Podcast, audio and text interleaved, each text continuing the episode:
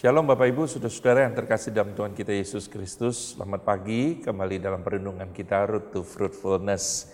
Kita merenungkan Amsal, hari ini Amsal 11 ayat 17, demikian bunyi firman Tuhan. Orang yang murah hati berbuat baik kepada diri sendiri, tetapi orang yang kejam menyiksa badannya sendiri. Saudara saya mencoba membaca dan merenungkan ayat ini berulang-ulang. Saya bertanya kepada Tuhan, apa maksud ayat ini? Bagaimana orang yang murah hati berbuat baik kepada diri sendiri? Bukankah ketika seseorang bermurah hati, ia akan kuat yang kuat kehilangan sebagian apa yang ia miliki. Ketika memberi uang kepada orang lain, maka uangnya pasti berkurang, bukan? Ya, itu konsep dunia. Tetapi dalam kamus Tuhan tidak demikian. Lebih berbahagia orang yang memberi daripada menerima. Ketika kita mengerti kebenaran ini, saat kita memberi, tentu ada sukacita dari Allah.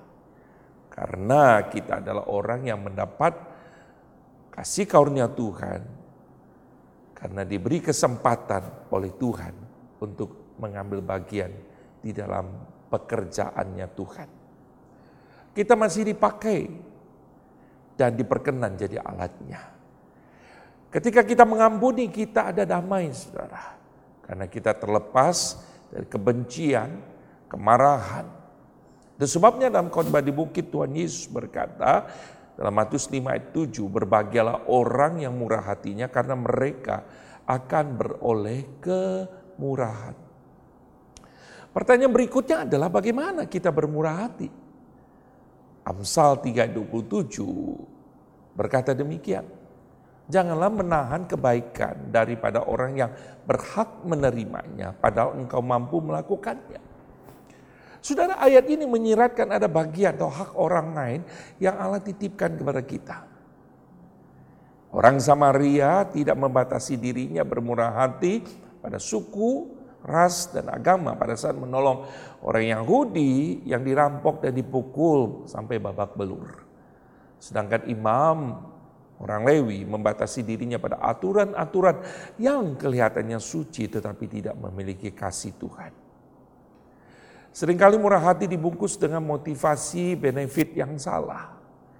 Kita bermurah hati pada orang-orang tertentu yang memberi keuntungan pribadi Ketika kita diundang oleh seorang pejabat, kita menyibukkan diri dengan seberapa besar angpau yang akan kita berikan daripada seorang OB, office boy, yang membutuhkan uluran tangan kita karena istrinya sedang sakit keras.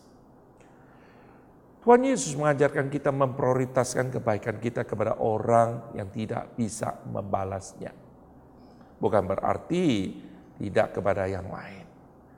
Saudara kalau kita perhatikan dalam Lukas pasal 14 ayat 12 sampai 14, Tuhan Yesus berkata, apabila engkau mengadakan perjamuan siang atau perjamuan malam, janganlah engkau mengundang sahabat-sahabatmu atau saudara-saudaramu atau kaum keluargamu atau tetangga-tetanggamu yang kaya.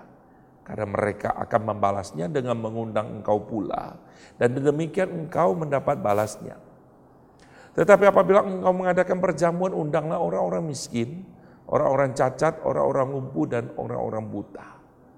Dan kau akan berbahagia karena mereka tidak mempunyai apa-apa untuk membalasnya kepadamu.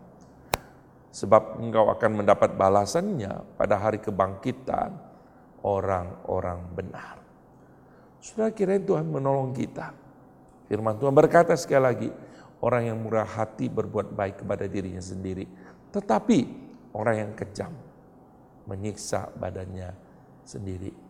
Kiranya Tuhan menolong kita. Amin.